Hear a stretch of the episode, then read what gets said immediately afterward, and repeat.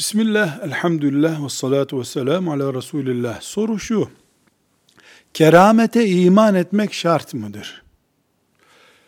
Resulullah sallallahu aleyhi ve sellem başta olmak üzere peygamberlerin ellerinde ortaya çıkan olağanüstü, kudretli olaylara mucize denir.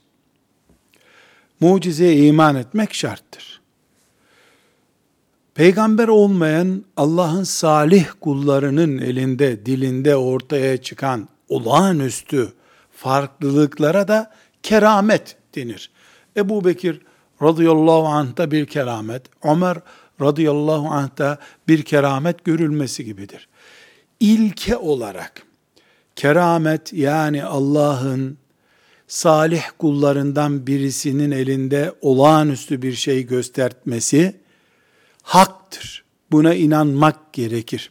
Ama peygamberin mucizesini birey olarak o peygamberin mucizesi olarak inanmak farz olduğu gibi A, B, C salih kulundan birisinin elindeki keramete tamam bu keramettir diye iman ediyor olmak imanın şartlarından değildir. Çünkü peygamberin elindekinin mucize olduğunda bir tereddüt yoktur.